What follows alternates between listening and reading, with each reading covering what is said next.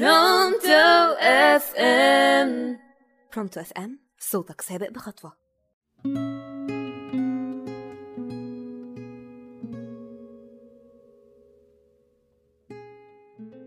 مساء الخير مستمعينا.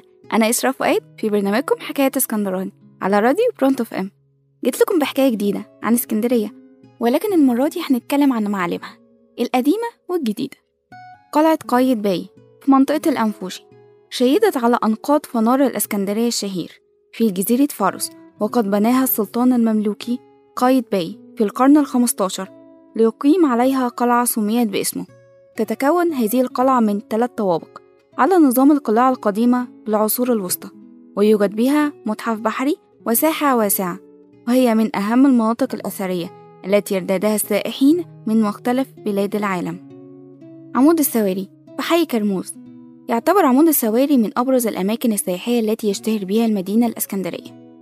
هو عبارة عن عمود من الرخام الوردي طوله بالقاعدة حوالي 26.85 متر وقطره عند القاعدة 2.70 متر وعند القمة 2.30 متر.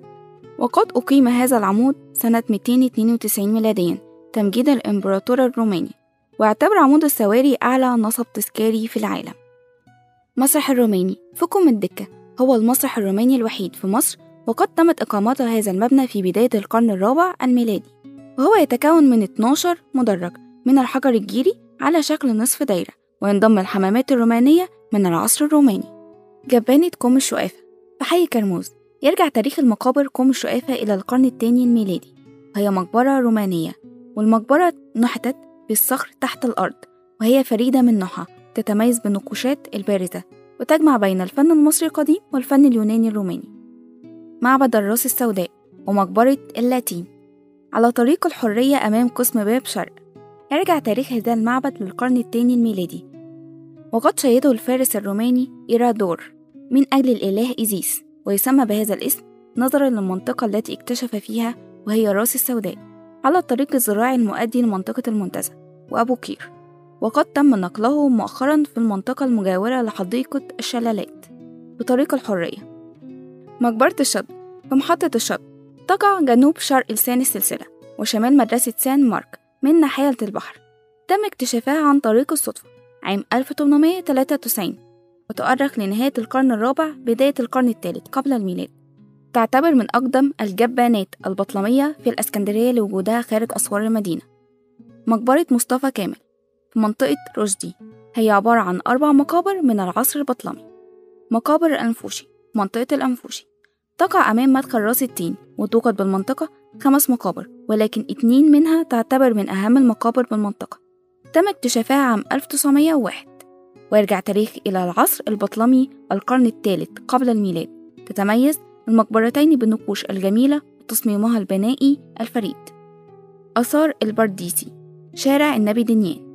سميت هذه الآثار بهذا الاسم لوقوعها على شارع البرديسي المجاور لمسجد سيدي عبد الرزاق الوفائي والمطل على شارع النبي دنيان تم اكتشاف هذا الآثار في عام 1929 تحت مسجد سيدي عبد الرزاق الوفائي.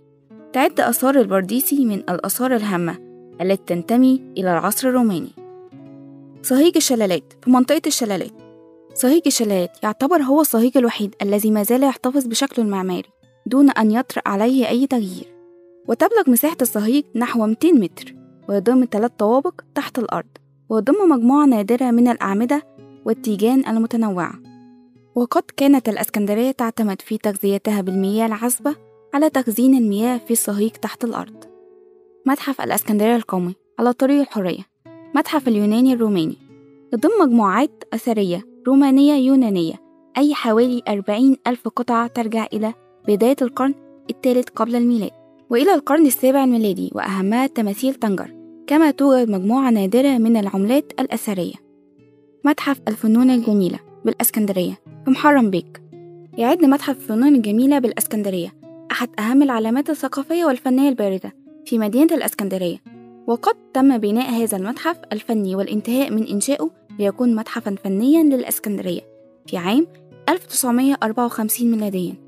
أقيم المتحف على الأرض التي أهداها لبلدية الإسكندرية البارون دي منشا أحد التجار من الأجانب الأثرياء بالأسكندرية الذين كانوا يعيشون بالمدينة. متحف ومعهد الأحياء المائية في الأنفوشي.